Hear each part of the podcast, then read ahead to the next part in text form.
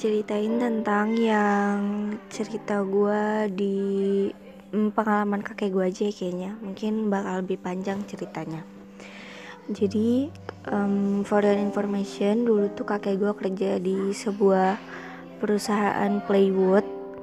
Perusahaan plywood tuh kayak yang bikin kertas gitu loh. Nah jadi kakek kakek gue tuh kayak nyari kertas ke hut nyari pohon sorry nyari pohon ke hutan nah uh, eh, FYI juga gue tuh tinggalnya tuh di Kalimantan dan you know lah Kalimantan itu hutannya masih banyak.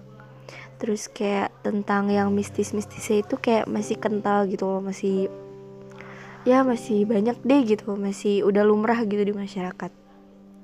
Nah udah gitu um, gue tuh uh, diceritain jadi kakek gue muda dulu dia tuh sering banget gitu nginep di camp di camp gitu mes gitu kan kayak buat tinggal beberapa hari di hutan. Nah jadi uh, kakek gue tuh kayak apa ya awal-awalnya tuh um, pas baru-baru ke hutan kayak biasa aja gitu. Tapi uh, di suatu pas kapan ya pokoknya ada kakek gue disuruh tugas ke hutan gue lupa di belah mananya Kalimantan tapi itu kakek gue ke hutan sama temennya kalau nggak salah bertiga. Nah jadi tuh dia tinggal di mes kayu gitu. Nah di dalam mes itu tuh kayak udah lengkap deh perlengkapannya.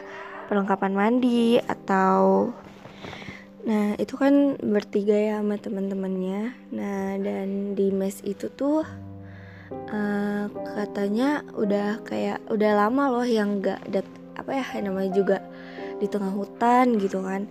Nggak ada orang lewat gitu. Paling juga penduduk di sekitar situ yang mungkin kebetulan lagi nyari kayu bakar di situ di hutan. Nah uh, kakek gue tuh di situ ada kayak semingguan gitu. Itu di situ. Nah namanya juga di tengah hutan ya gak sih gitu. Apalagi zaman dulu gitu gabut. Akhirnya kakek gua mutusin lah buat berburu gitu. Kakek gua tuh suka kayak nembak burung gitu loh. Suka nembak burung dan nah kakek gua tuh berburu gitu kan. Nah nembak burung uh, jadi kayak lebih sering ke burung gitu. Nah terus pas kakek gua keluar mes nah di di luar mes tuh kan ya namanya tengah hutan gelap gitu. Cuma penerangan dari mesnya itu gitu terus uh, apa kalau nggak salah belum ada listrik deh. Tapi gue kurang kurang ya kurang kurang inget gitu. Soalnya ya masih ada listrik apa pakai lentera gitu gue lupa. Nah jadi pokoknya kakek gue keluar mes bawa senter bawa senapan kayak yang buat itu loh tau gak sih? Yang buat nembak burung gitu. Iya terus sama teman-temannya bertiga tuh. Nah udah gitu keluar mes. Eh kaki gue ngedenger uh, kayak ada suara kresek-kresek gitu.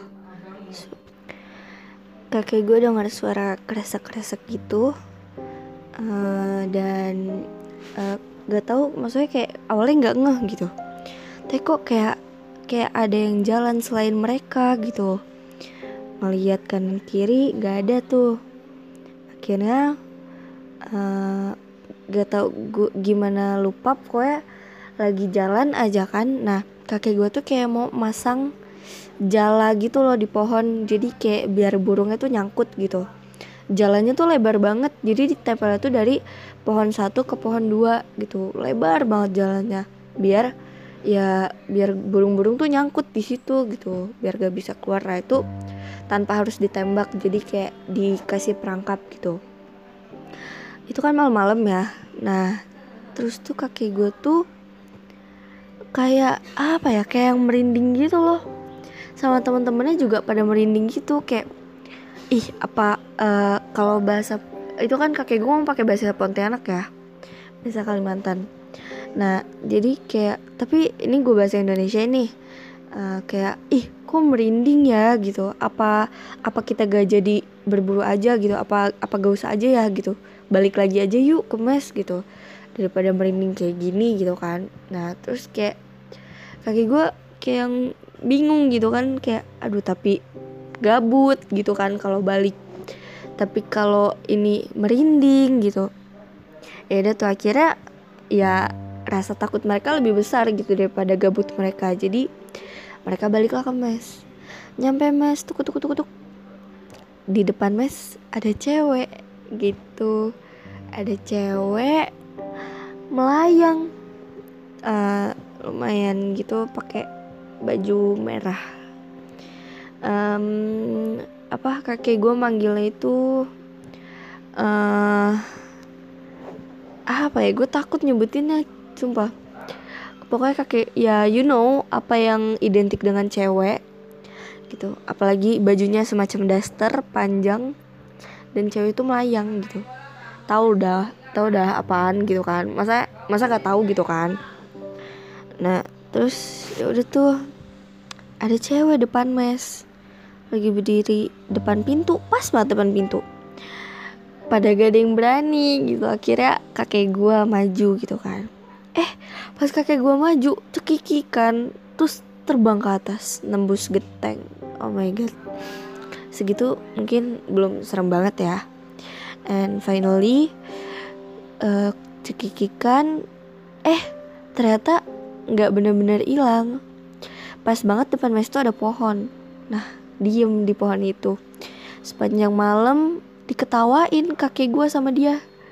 Sepanjang malam sampai subuh Nah, pas subuh kakek gue berencana buat uh, meriksa jalannya. Udah ada yang nyangkut apa belum? Subuh-subuh akhirnya kakek gue sama temen-temennya lagi gak berani sendirian. Dan mungkin kayak mungkin jarak uh, masang jalannya sama mes gak terlalu jauh gitu. Akhirnya kakek gue keluar keluar subuh-subuh tuh. Abis sholat subuh kakek gue langsung pergi berangkat meriksa jalannya. Dan lu mau tahu apa yang kejebak di jalan itu? Itu burung uh, burung apa ya? Kalau di Pontianak tuh namanya burung keroak. Tapi gue nggak tahu ya kalau bahasa sininya apa. Soalnya itu di Pontianak dipanggilnya burung keroak. Keroak ya burung keroak dan itu lo mau tau itu burung gede banget. Lu bayangin aja deh pohon gede nih pohon gede ada dua nih. Terus tengah-tengahnya lu kasih jala gitu kan. Terus dan lu niatnya mau berburu gitu lu pengen makan burung gitu kan. Tapi yang nyangkut malah burung segede itu gitu. Kan jadi serem ya. Akhirnya burung gede banget. Terus kayak gitu deh. Dan kata kakek gue itu burungnya hitam. Hitam gede banget gede banget. Itu full satu jala sama badan burungnya sama sayap burungnya. Dan di kepala burungnya itu ada mahkota gitu. Jadi kayak itu tuh burung gaib. Burung gaib yang tinggal di hutan gitu. Itu gede banget gitu. Terus akhirnya kakek gue takut dong sama teman-temannya tapi kayak itu kayak kejebak gitu. Tapi kayak lo ya gak tau ya gue juga agak bingung sih dicerita ini cuma kakek gue nyeritainnya kayak gitu. Terus kayak ya udah tuh akhirnya jalannya dicopot sama kakek gue kayak ya padahal itu takut setengah mati gitu kan. Akhirnya coba dicopot jalannya uh, pas kayak tapi copotnya itu nggak dibuka iketannya langsung digunting sama kakek gue uh, langsung dipotong gitu kayak pakai parang gitu kan. Potong akhirnya burungnya lepas. Burungnya lepas dan lu mau tau kayak dia ngebasin sayap itu kayak is gila serem banget. Dan langsung hilang. Langsung hilang gitu aja. Itu nah itu kan subuh subuh ya. Otomatis matahari terbit dong gitu. Matahari terbit pas perjalanan kaki gue mau balik ke mes dia ketemu sama orang I don't know itu orang beneran apa enggak. Tapi orang gaib. Kakek gue bilangnya gitu. Kakek gue manggilnya orang gaib. Jadi orang itu uh, kan kalau manusia normal kaki kita ya lu tau lah kaki manusia normal kayak gimana ya kan? Tapi posisinya ini kakinya ke belakang. Paham nggak? Tapi dari lutut ke bawah doang ke belakangnya jadi kayak telapak kaki itu madepnya belakang bukan madep depan. Dan lututnya itu ke belakang bengkoknya bukan ke depan. Kalau kita kan ke depan gitu. Dan uh, ciri lain yang ngebedain mal, uh, orang gaib sama kita tuh uh, lu tau kan manusia punya ini kayak antara hidung sama bibir lu tuh kayak ada garis gitu yang cembung ke dalam gitu. Eh sorry cekung cekung ke dalam gitu tau kan? Iya ini yang dua garis di atas mulut ini. Nah kita kan manusia normal punya itu tapi mereka nggak punya. Mereka rata. Itunya rata benar rata gitu. Dan nanya sama kakek gue ngajak ngobrol ngajak ngobrol gitu kayak uh, apa? Dari mana nak? Gitu kan. Tapi itu pakai bahasa Dayak dia ngomongnya. Tapi uh, ya ini gue Indonesiain ya uh, dari mana nak? Gitu kan. Oh itu pak gitu. Abis ke sebelah sana gitu. Abis mau nembak burung tapi nggak jadi gitu. Terus ketawa diketawain kakek gue kan.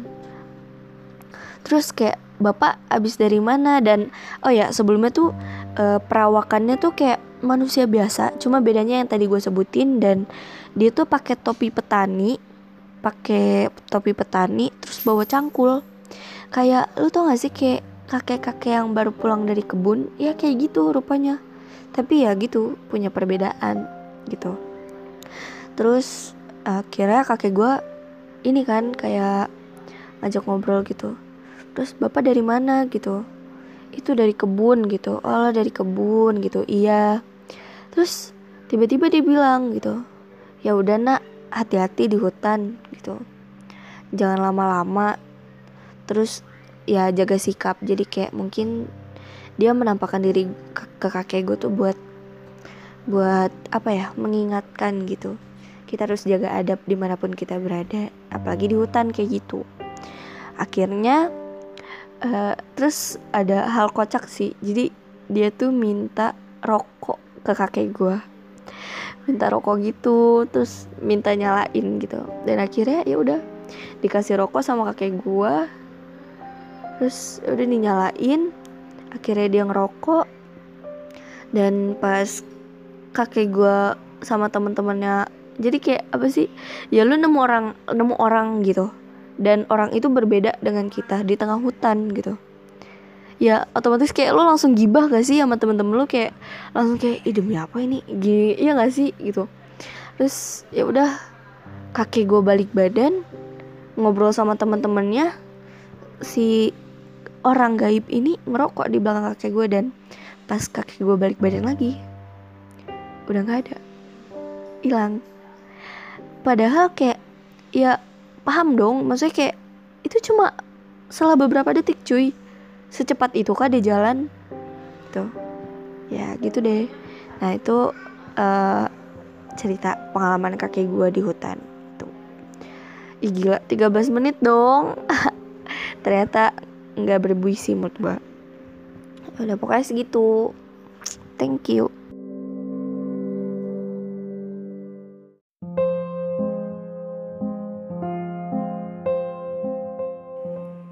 Oke okay guys, mungkin cukup segini dulu untuk episode kali ini. Kalian bisa tunggu next episode di next podcast gue. Dan bagi kalian yang ingin sharing-sharing tentang pengalaman bisnis kalian, kalian bisa DM gue di Instagram gue at feel.zxm Oke okay guys, terima kasih bagi kalian sudah mendengarkan podcast gue. See you guys, thank you.